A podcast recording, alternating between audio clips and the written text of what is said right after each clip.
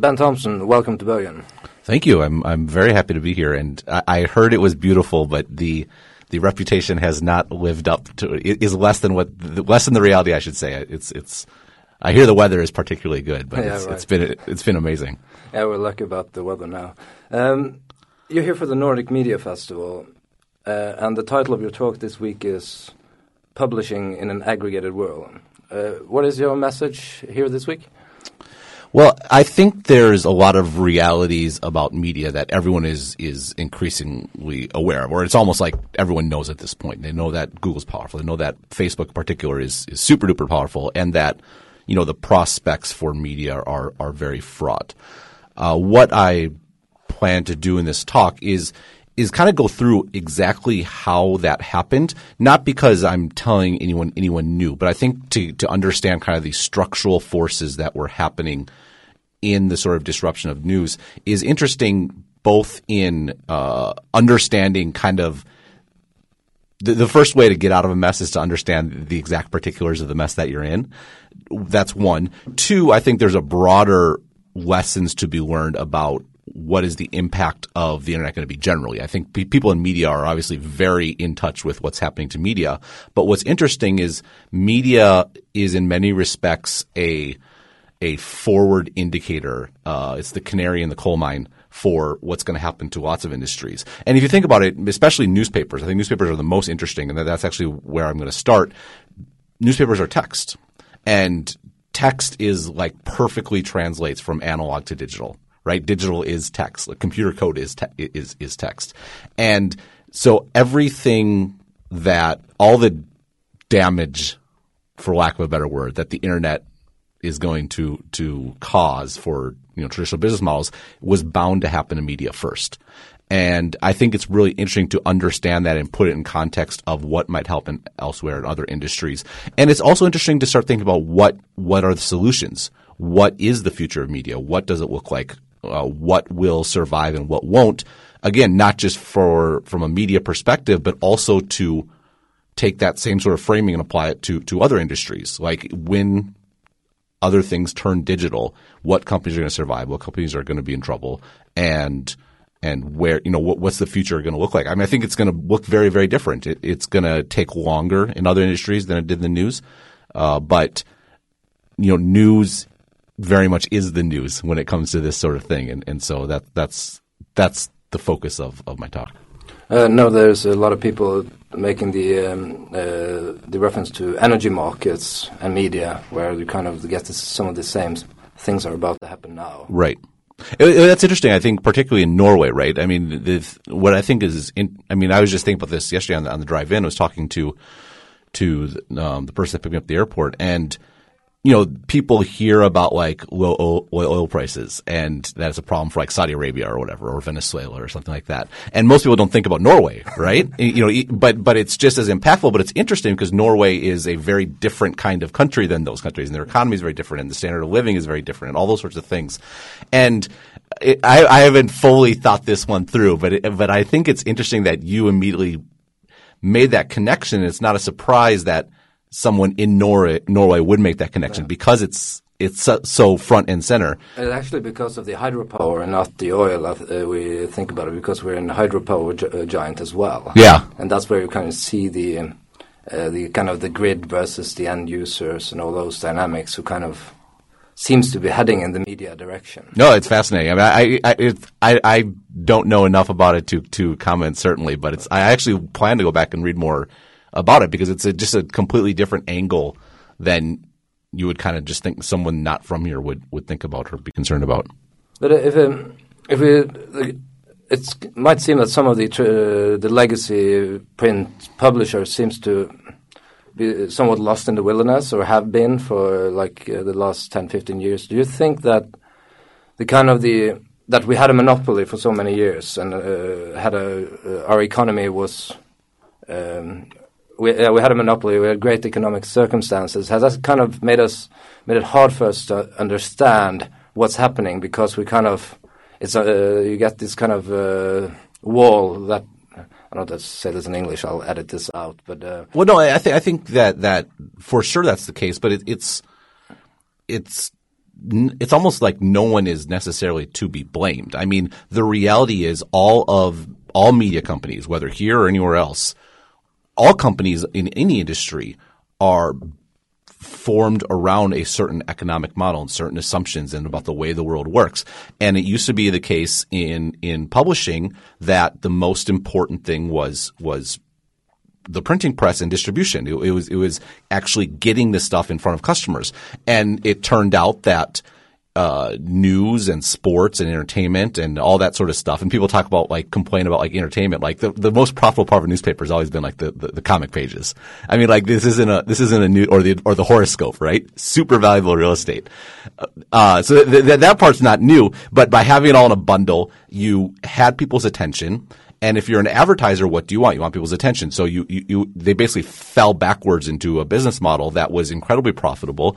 And it's no fault of any company that they built an entire apparatus around that of you know these companies would be thousands of thousands of people millions of dollars of revenue. Everything was built around certain assumptions. And when those assumptions change the reality of business and the reality of people and the reality of institutions is that it is nearly impossible to change them at the same time. I, I made uh, the analogy I would make is like is like a tree, right?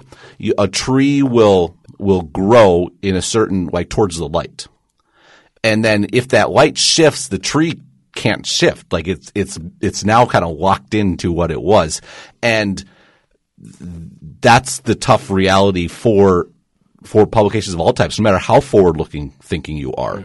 there are so many things built into your fundamental assumptions as a business that it takes a very long time to unwind those and to and to go in a, in a new direction.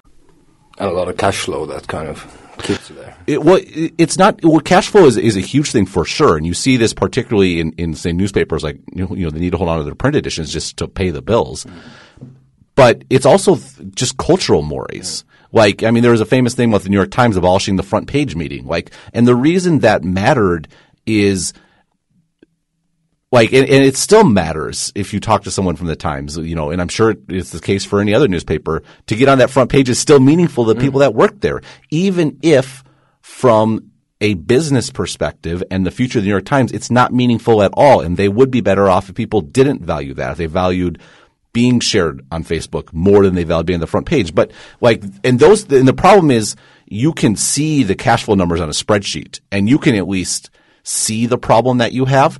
What's so difficult about these cultural things and institutional things is they're all in the shadows. They're things that you don't see. They're things that you don't think about.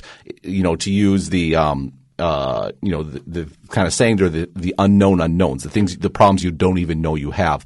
And they're super duper powerful. I mean, culture, there is nothing better and more powerful than a strong culture when things are going well.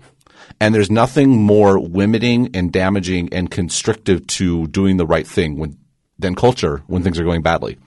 You had a great point in uh, one of your conversations. Uh, I don't know if it was an exponent or the interview with Ezra Klein, but you talked about this company that most company that uh, uh most company dies, but some are kind of res resurrected, like Apple. But it's always on the brink of uh, death. I don't know if you could reiterate that one. Yeah, I mean it's exactly to that point. It's it's almost like a like if you take the tree example to to it to its logical end. Like you can break off, the, you can break the tree and kind of resplice it into something new or or replant or whatever. And the vast majority of the time, that's not going to work, and the tree's going to die. Mm-hmm. But sometimes it does work. And now now you've you've you've hit the reset button. You can grow in a new direction. You can be oriented differently. But the the process of getting there is so is so painful. I think what what is particularly interesting about the news business though and the way it's evolving is there is clearly, or at least theoretically, brand benefit. Like, I mean, the New York Times, everyone talks about the New York Times when they talk about journalism, and that's an unrealistic thing to do because it's the New York Times. Mm. Like, the, to be the New York Times means something. Like, they can pull off a, a model where they actually have a million digital subscribers for a bundle of stuff that's not super necessarily super focused. Like you're just subscribing to the Times. Mm. That's not a realistic model for most newspapers that don't that don't have that sort of brand. But on, uh, on the flip side, the brand is tied up with the culture and all the things that all the things that limit with you. And I think you know the U.S. is probably further down the road of all this disruption and stuff that's happening. You know, not to use the over, overused term disruption, but of all this upheaval, I would say that's happening in news. And, and I think you know uh, countries particularly if they're not English speaking countries, are are a little further not not as not as far down the road.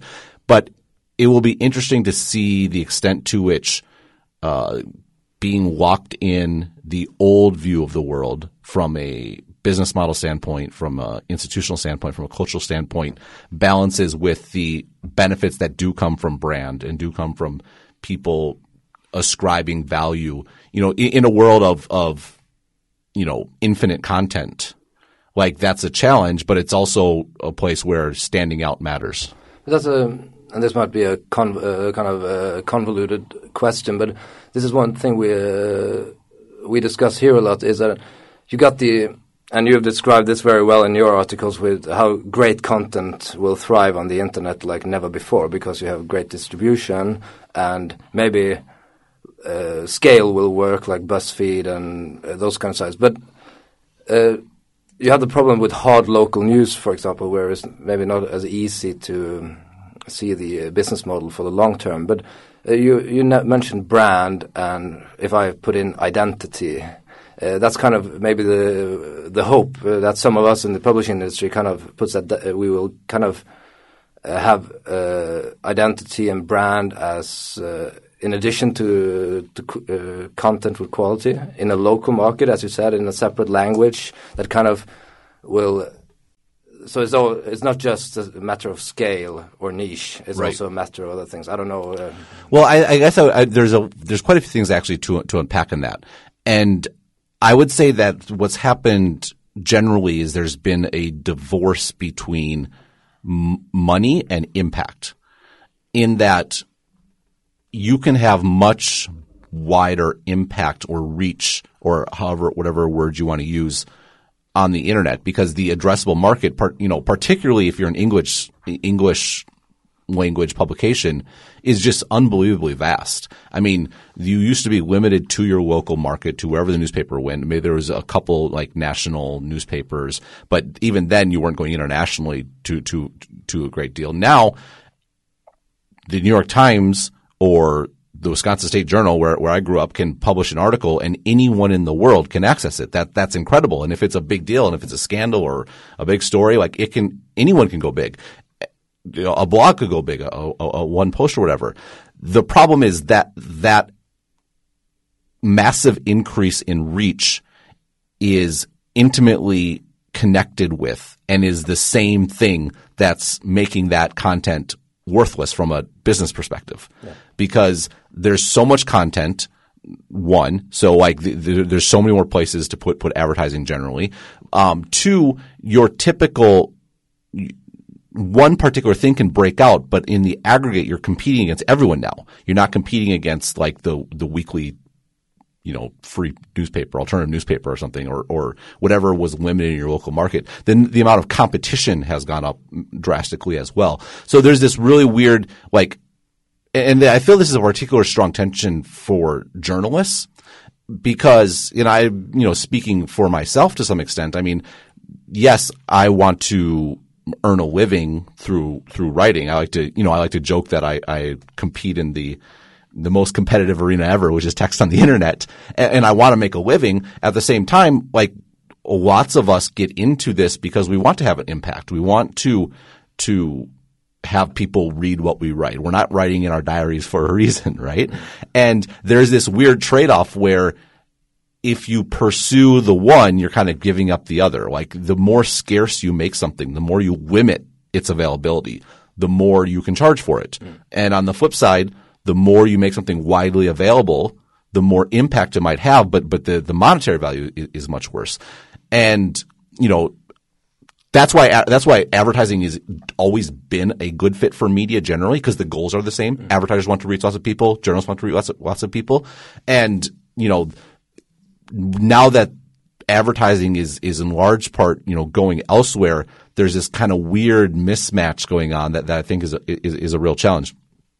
Uh, sorry, I didn't quite get your local news question, but you know, certainly the opportunity for local news is that theoretically your com- competition is is less. Like if you're writing about like international politics or like low oil prices, for example, right? Your competition is every publication in the world.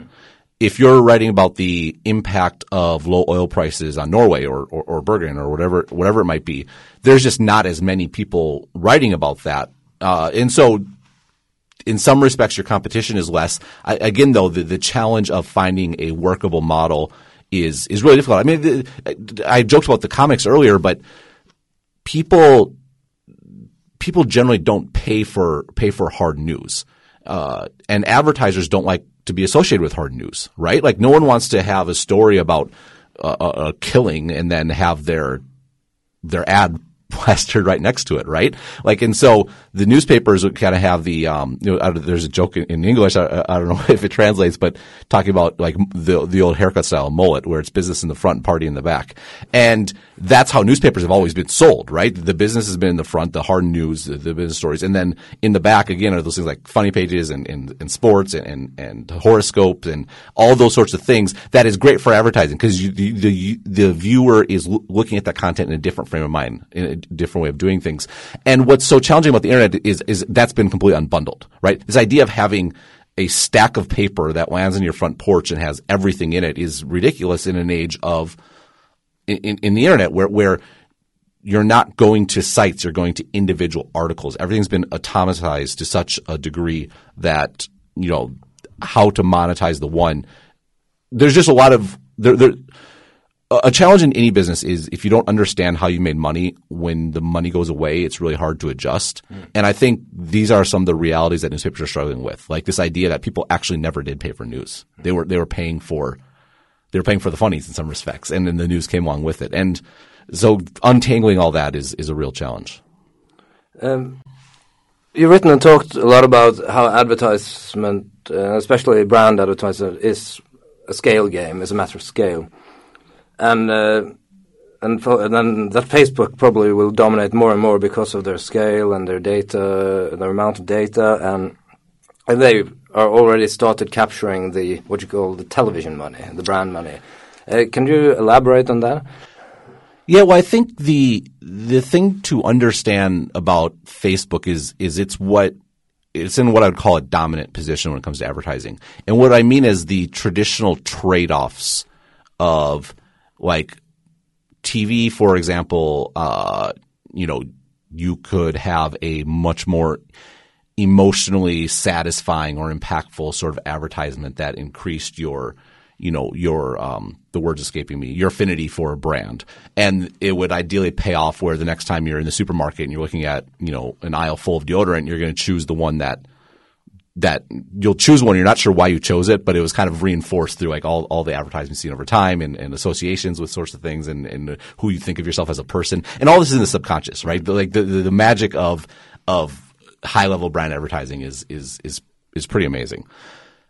The but on the flip side, TV there's only 24 hours in a day, mm-hmm. and there's only so much so many TV channels around. So there's always been a limit, a scarcity to advertising there. That one has made it more expensive from a supply demand perspective.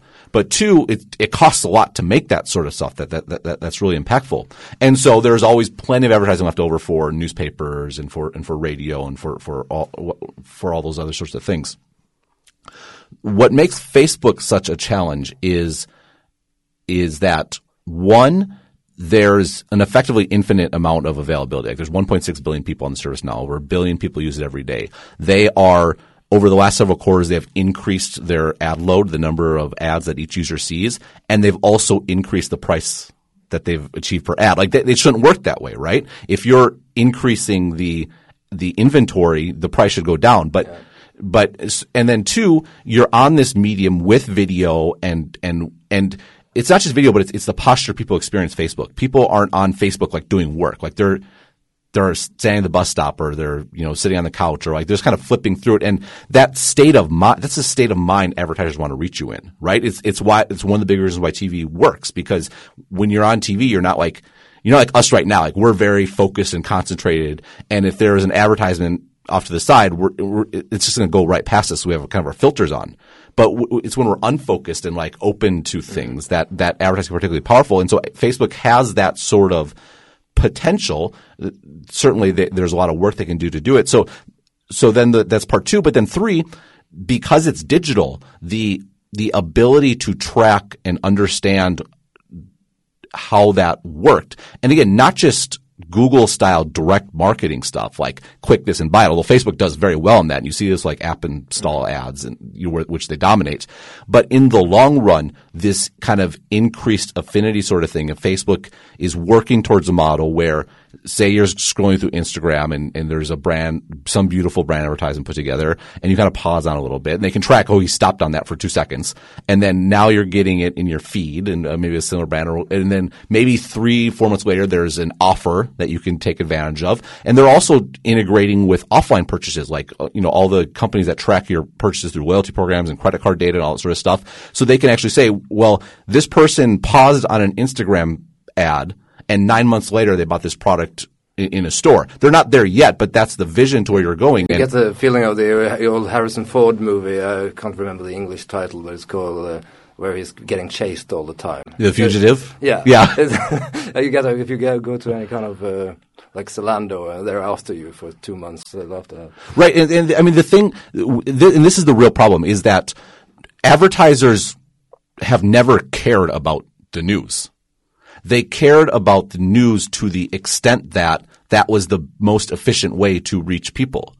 And as soon as there became other ways to reach people, of course they're going to go elsewhere. Like, why would you, if I can, why, why would I if I say I want to deliver an ad to to you, a, a, middle aged uh, Norwegian living in Bergen, right? Excuse me. Instead of uh, young, young, a young, a young man living in Bergen. I got gray early.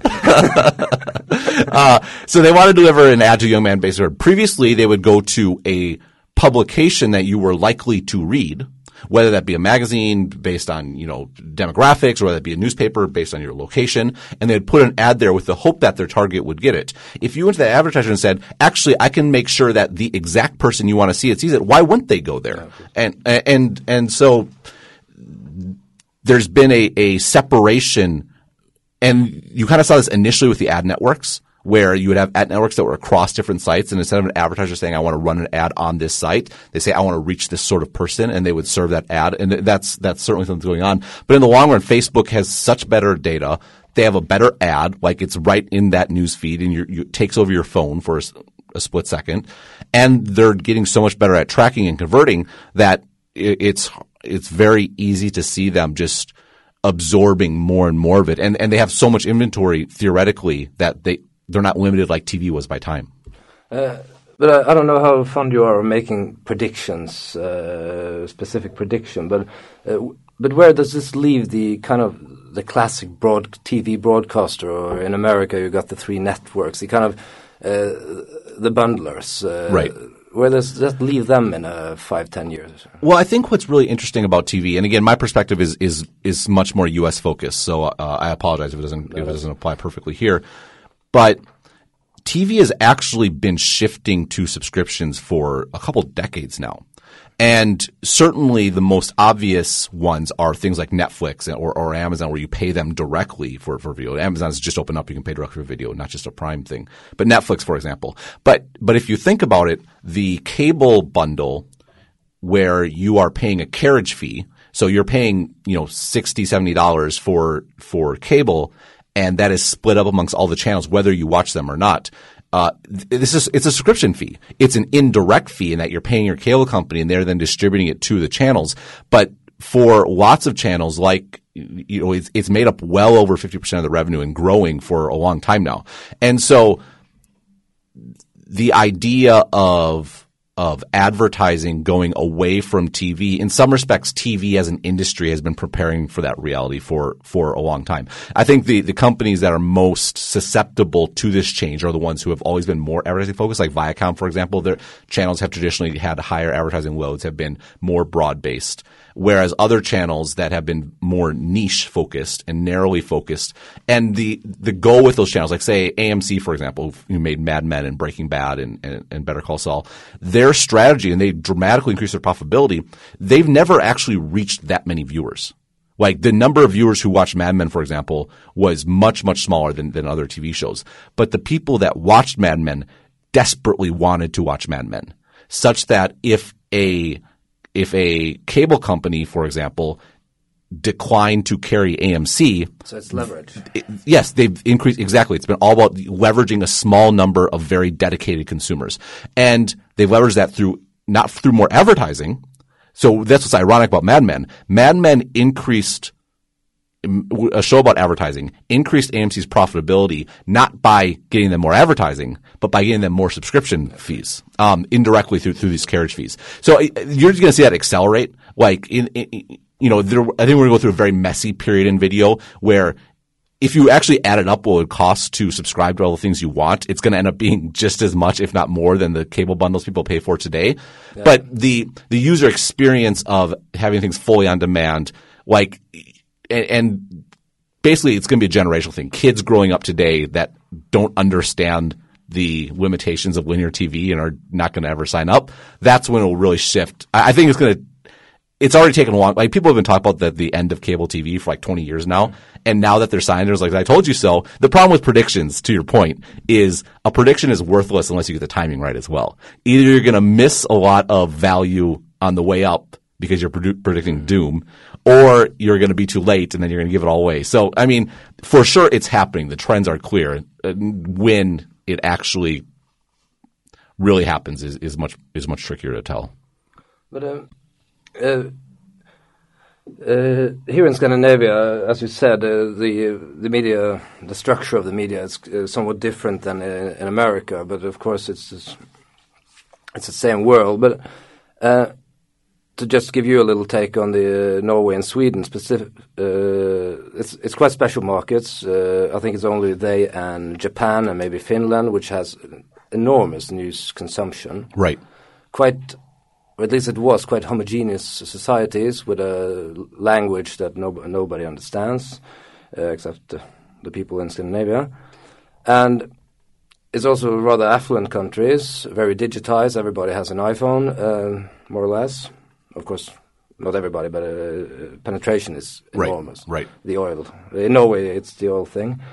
And the company that I work with, uh, Schibsted, which is the largest media company in Scandinavia, uh, have stated that they will compete with Facebook and Google on advertising in uh, Scandinavia and build their own platform, uh, which other publishers can use for content and for advertising.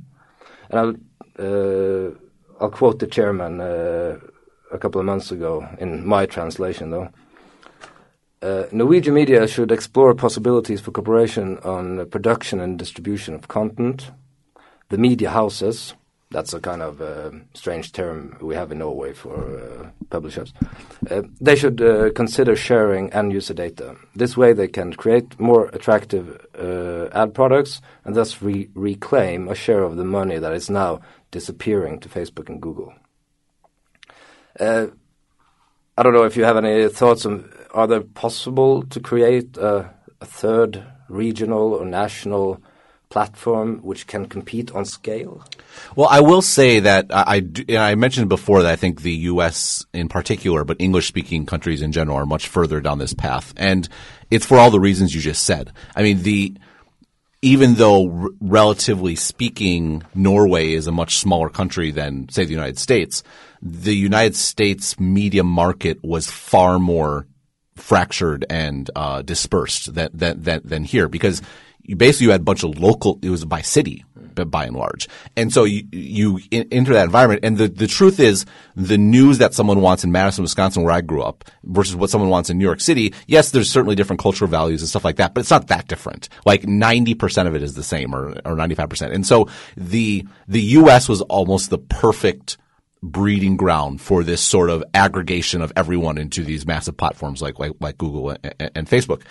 Uh, in the case of Norway, if you look at it from this perspective, in some respects, Norway is a much bigger market than the U.S. was because the U.S. you're you're, you're looking at a bunch of small markets. In in Norway, because it's it's more national, and I think you see you do see a similar thing in you know arguably in in Japan, which I've looked at a little bit. But this idea of having one more cohesive market. And again, you have the language thing matters. I think it matters a lot because just the amount of competition is going to be less. Uh, and to your point about valuing news and being affluent, like I, I absolutely think the prospects for for Schibsted, for example, are much more positive. They for sure have massive challenges, but relative to an English speaking language generally in a U.S. publication in particular, they have a lot of things going in their favor. Now, I think the challenge for them is going to be really, again, and I'm not an expert on the company by any means. I, I do know a little bit about them, but is going to be understanding exactly where they win and why and not conflating that with, you know, kind of their past success, which was, was, you know, may have been due to factors that no longer, that no longer exist. I mean, Norwegians are, I presume are on Facebook just like just like anyone else. Indeed. Uh, right. And so understanding what is truly unique about about their offering, you know, will be super critical. You know, it, one of the hardest things in business in general and it's one of those things that you get if you almost die you start to really understand but before then you don't is understanding why you succeeded. Mm. because the natural human tendency is when you succeed to ascribe it to yourself. We are a successful business because we are good business business people and we made good made we made these good decisions. When in many respects, what made you successful may have been nothing to do with you at all. It may have been structural, you know, like, like the iPhone, for example, the iPhone, you know, I talk, I read about technology in addition to media. It, technology is kind of the, the, uh, huge focus. And, you know, the iPhone has been growing for so long and it's easy for Apple to say the iPhone is successful because we make a great phone, and they do. It is it is a great phone. But the iPhone has also been growing because every year Apple's been adding new countries, new carriers, and they've been increase, increasing the number of people who could buy an iPhone. And today, now that the iPhone is everywhere, that success factor is gone. And if the iPhone now starts to decline, is that because Apple's now making crappy iPhones? Well, no, it's maybe that some of what drove growth in the future is no longer there. And if, if you're not cognizant of that as a company, you can get yourself in trouble. And so the challenge for a company like Schibsted or, or any other company that is still doing relatively well is to understand at a very fundamental level what drove their success. And yes, some of it was their decisions, but some of it was also, like you said, Norway has its own language. Norway has a relatively homogenous you know culture and and and population. They have uh, they tend to value news, and how much of that is due to their success, and how many of those factors will persist and that they can leverage, as opposed to assuming that they're responsible for their own success. That that that I guess that would be the, the challenge for them. Uh, you mentioned you were right about technology. Uh, could you just give us, uh, for those who uh, who doesn't uh, follow your work daily. Just give us uh, who is uh, Ben Thompson and what is Stratechery? Yeah, well, uh, some of us. Who, who's this guy that's been talking for the last yeah, thirty yeah, minutes or whatever? bad uh, interviewer, but uh, the kind of the voice from Taiwan. yeah. So I yes, I read about strat, you know, technology, and I think the the focus of my site, and this in some respects get, gets to media and what I think succeeds in media today. I launched Stratechery in 2013, uh, not that long ago. I went independent uh, in 2014. The way my business works is I write an article a week for free, but I write actually write four articles a week, and to get the other three, you have to pay um, either ten dollars a month or, or hundred dollars a year. And what I realized when I started the blog is there, you think about, you know, oh, you're going to start a blog about technology. There's a million blogs about technology Well, it turned out that the vast, vast majority of those blogs are focused on products, on, on like the actual like phone or the computer or uh, software. Hogan. r- yeah, whatever, whatever it might be. And there were very few people writing about the strategy and the business models of technology companies. and Like, why would Apple and Google say make different strategic decisions? And how does that tie into their business model? and How they make money, and one being advertising based, and one being you know services and fixed costs, and one selling you a physical product you hold in your hand. Like those all have huge implications in in how companies are run and decisions they made and all those sorts of things. That applies, you know, applies broadly.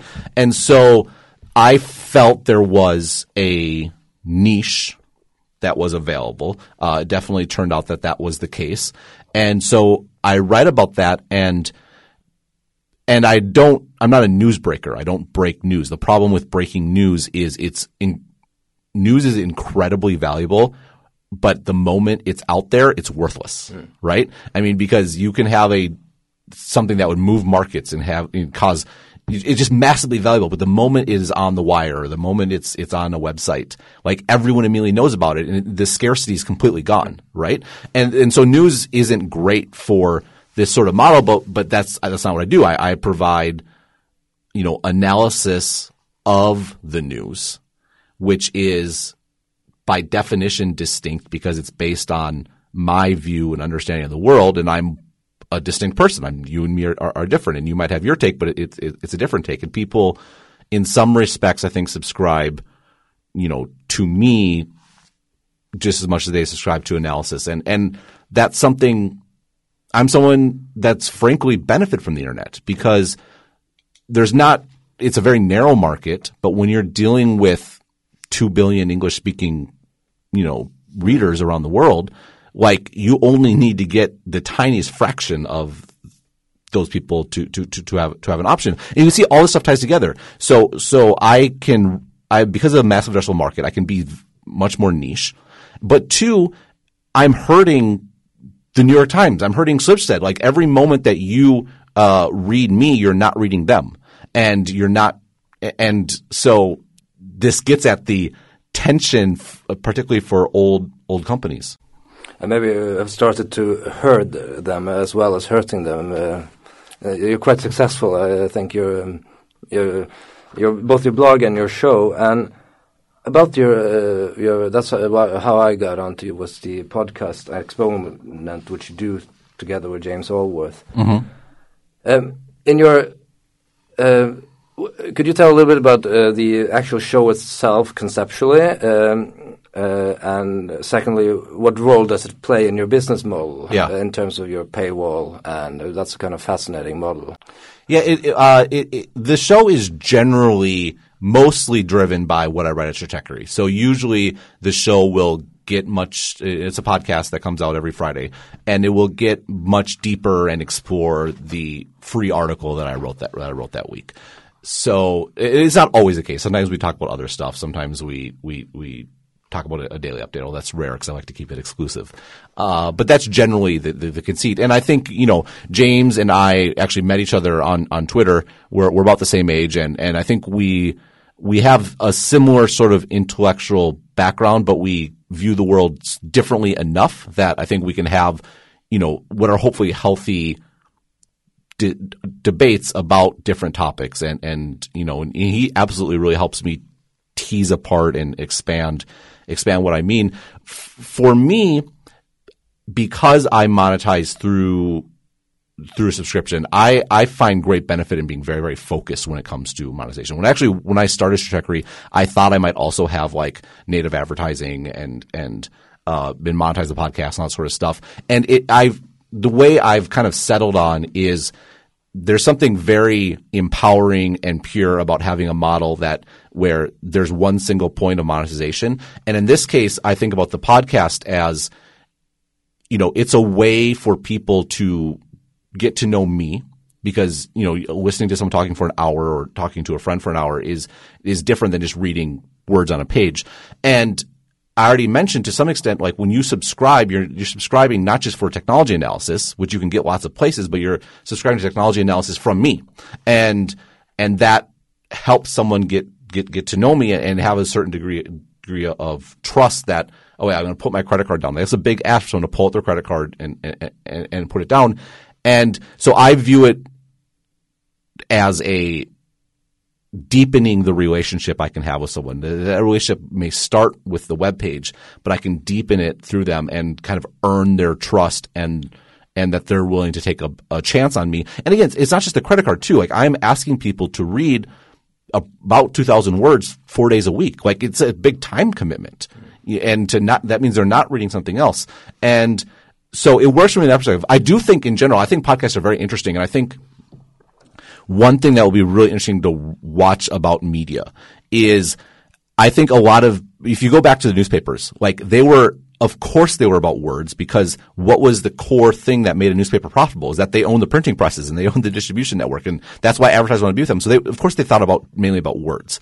But on the, on the internet, there is no, everything is, everything is bits at the end, a video, audio, whatever it might be and there's no reason why you should be limited to text. And also, different media have different properties. The great thing about text is it spreads really easily, right? I can send you a link or I can post something on Twitter or on Facebook, and the cost to you of clicking that link is relatively low. Either one, you click it and you close it, or you read it. And even if you read it, it takes five, ten minutes and, and then you're done.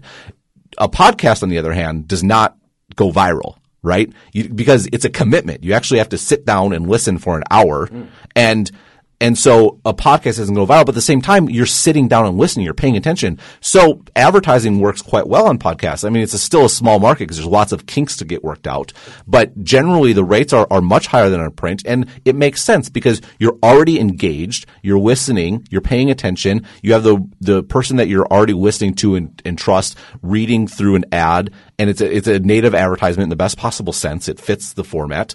And so you have a great place to monetize but it's not viral, which is why it's a great match for writing because you, the writing, the virality potential of writing is connected to the fact that it's really hard to monetize because there's so much text out there. So if you can leverage text to build an audience of people who trust you, then you can monetize it through on the back end through things that are hard to build an audience, but but monetize monetize well. We've actually had advertising on Exponent in the past. We probably will again in the future. Uh, we're just kind of figuring out the right model that makes sense. And part of it is just a, a work thing. I mean, I've talked about me and myself. Another thing that goes into making it work is uh, I'm a one person operation, right? And, you know, it scales great in that every new customer doesn't cost me anything. Like I just send out an email to that many more people, but you know I have to support them and I have to you know getting ads and all that sort of stuff is is a cost. And so the purity works from a practical sense as well. But I think for for media companies, I'm really hopeful that this idea of using text almost as a lead generation tool and then monetizing it through other forms that that are much more compelling. Just because text in the long run, monetizing text when you're going in a world of Facebook is just going to be so difficult. I I hope that in general, I think journalists and journalistic businesses really need to do two things. One, they need to not think about just text. They need to think much more holistically about their businesses. And this goes hand in hand with two, one of the luxuries. I, I don't know if this to the degree this was in Norway, but in the U.S., there's always been this p- almost pious sort of thing about the separation of business and editorial. And that, that was a luxury afforded by the fact that the money flowed in because you were the only place to put advertising. In a world where you're like, in today's world, in the internet world, like your business model and your editorial have to be thought through together. I'm not saying they should be connected in that you can buy editorial per, per se, but like what you write should be connected to how you monetize. If you're going to be scale, like say BuzzFeed, notice BuzzFeed, every article, it's text and images. That's it. Right? Why? Because text and images work on Facebook. They work on Snapchat. They work at, like, they, they, they're very portable. And the, the very, the very thing of what they do is tied up into their business model, which is helping, you know, companies put put their content all over the place. Uh, on the other hand, you have other other you know all these newspapers that were or publications that were investing on these like on platform or do these really fancy presentations. That was all misguided because you you you need to be everywhere. It's all about a scale game. Whereas if you're very niche, then you can be much more You can be much more in depth in your presentation or how you put stuff together or thinking about sort of stuff because you're getting people who are going directly to you and you want to increase the reason for them to go to you. And then you monetize the heck out of them, right? If your scale, you, everything has to be focused on getting scale.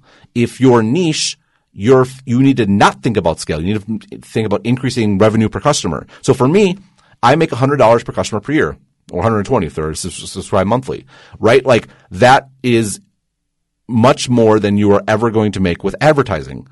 The trade-off is I'm never going to get that many people, but that's okay. It's almost like you, th- there's a barbell effect where there's niche-based maximize revenue per customer on one end and volume-based maximize the number of customers on the other. And the publications that will get themselves in trouble are the ones that kind of try to sit in the middle because everything about what you do has to be focused on that. If your scale the way you produce news has to be scale. The way you report the stuff you cover has to be scale. Everything has to be scale, scale, scale, scale, scale. If you're niche, it has to be the exact opposite. You, I can't afford to have s- stuff on my site that people are, don't find interesting or it has to be like I'm asking people to pay for text on the internet, right? And so the, it requires a level of consistency that is difficult to maintain and, and is what I think about every day. And so having increased focus is really important to me. Uh, but the, um, you kind of use uh, with your weekly article is, and that's usually where you put your kind of more theoretical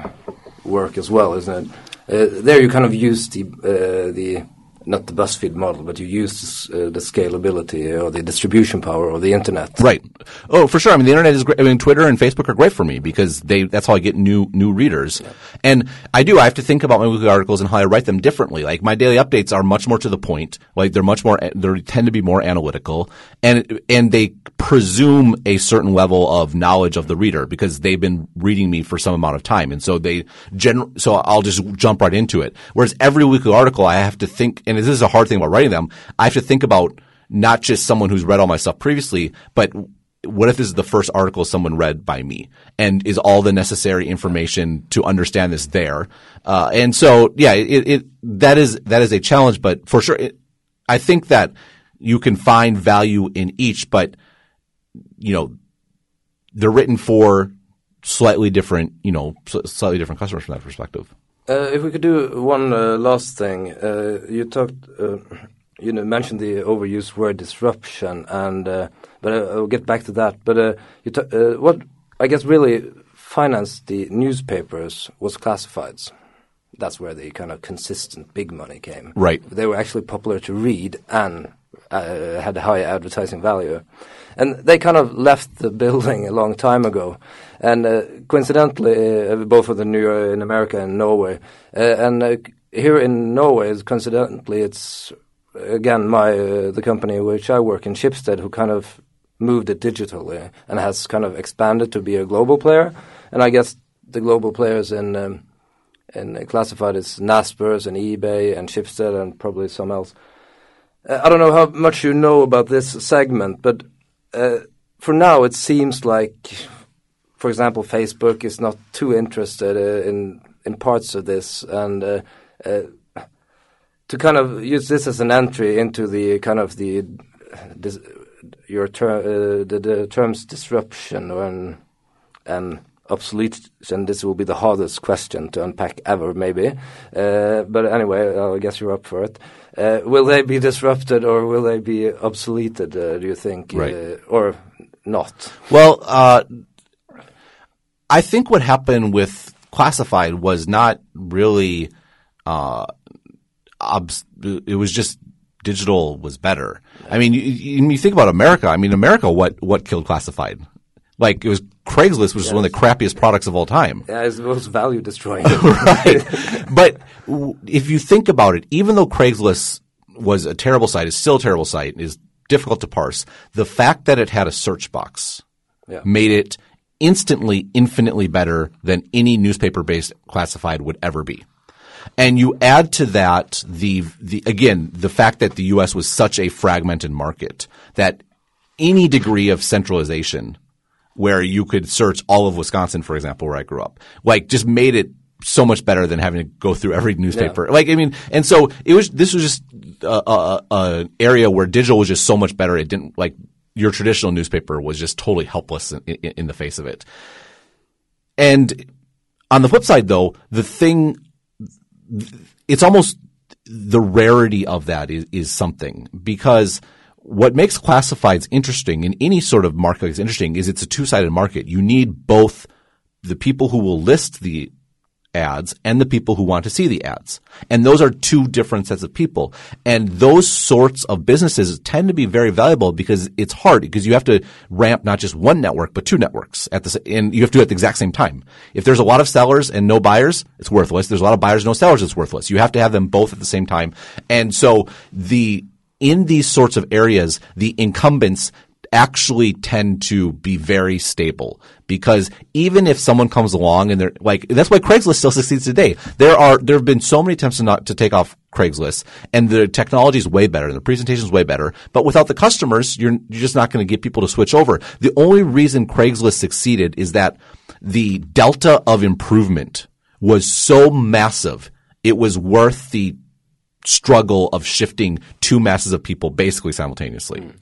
And so to that extent, you know, to the degree that the Schibsted and, and the other companies have have succeeded in moving to digital, I think they're probably a little better off than you would think because the inertia of having two groups, a two sided market is so powerful that that even if someone's dedicated to doing better, it's going to be hard for them to succeed. And someone like Facebook, where it's just a side business, like, are they really going to build out the tools? I mean, there's all these buy and trade groups in mm. Facebook, which are very interesting, and I think are are you know on the edges can certainly cause a problem.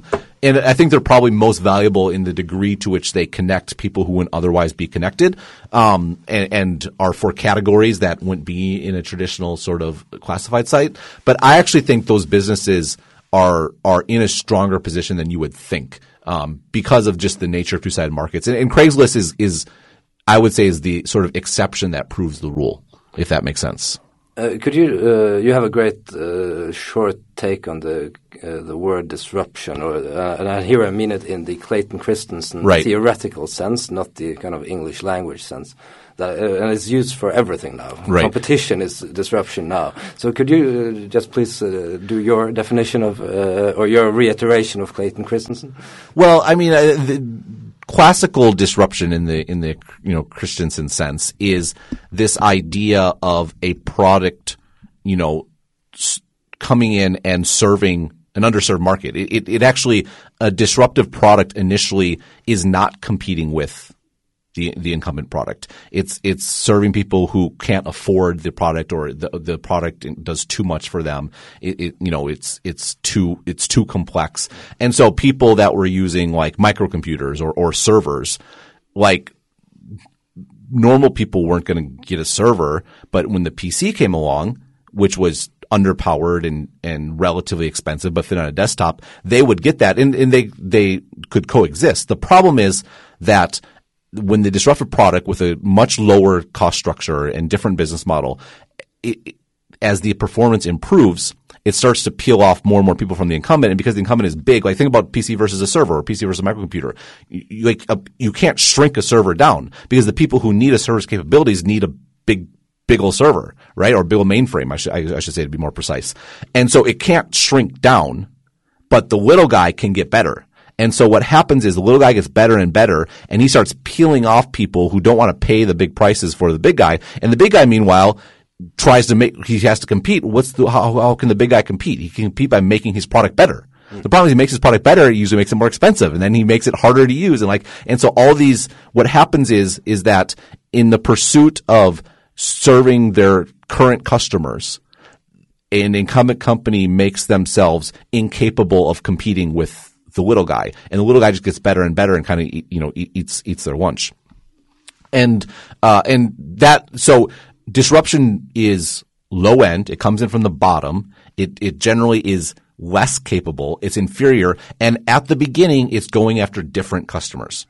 So when you hear, uh, oh, this new product is disruptive because it's going to take away, like it's a, it's a head-on thing, it's usually not disruptive. It's it's it's a direct competition, yeah. and and you know that's hard to win as someone coming in. I think the additional term that I've introduced is something called obsolescence, which is you know, Christensen, Professor Christensen was famously very wrong about Apple's prospects, particularly when it came to the iPhone, it, the iPod originally, but but also the iPhone, because he saw it as like Apple's coming with this super expensive product. To him, they were taking on Nokia head on, which was, you know, the history suggests that wouldn't be successful, uh, and and obviously the iPhone was very successful, and and, and Nokia. Um, you know, certainly at least geographically close to your guys' hearts. Uh, uh, yeah, the, the Finland is still trying to get uh, right. get what, over it.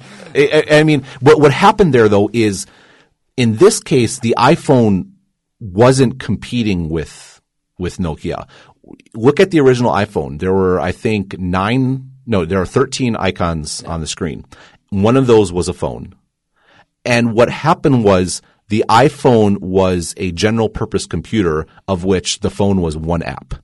And you could buy a phone or you could buy a device that was a phone and was a music player and was a camera and was all these sorts of things. And what's interesting is actually in technology, you, and because it was so much more capable and did so many more things, it could be priced at a much higher price.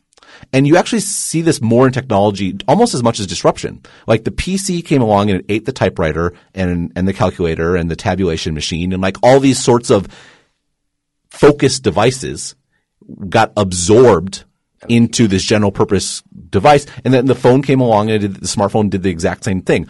Like you've seen these images on the internet. They're very popular. Like they'll show like a desk of like all these items and they'll show that was then, this is now. It's like just a phone because it does all these different things.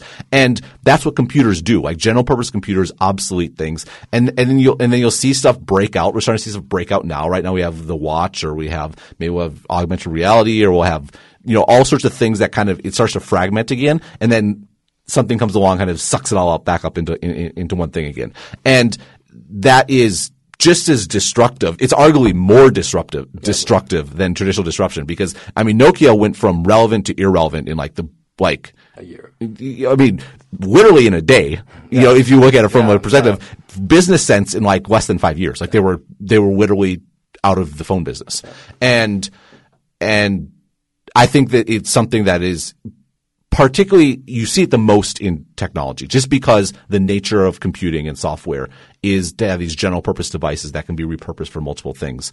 And and so it's different than disruption. I think it's the same family as disruption. Uh, but i think the other thing to really pay attention to going forward is is this sort of ag- you look at the phone and the way it brought in all these apps into one device and ate everything else, you're seeing that at, at a higher level, this sort of aggregation idea where you know, we talk about like Google, for example, like why could Google be so powerful? Because Google contained every single web page in the world.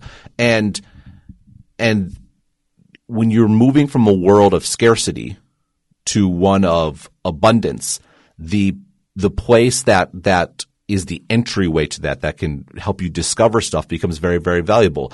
And also, because Google's dealing in digital goods, they can scale infinitely. They can serve every single person on the planet, you know, unless they're like blocked in China. But theoretically, they can serve every person on the planet.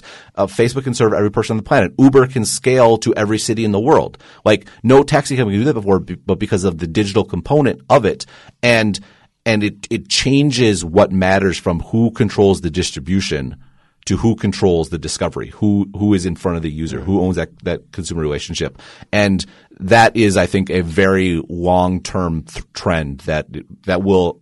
You saw it first in news, but but that is going to affect everything. Great, uh, Ben Thompson. Thank you for your time. Oh, I'm honored to be here. So yeah, right at uh, Stratechery, uh, S T R A T E C H E R Y dot com, and then yeah, you mentioned the podcast at Exponent.fm. So very happy to be here. Thank you.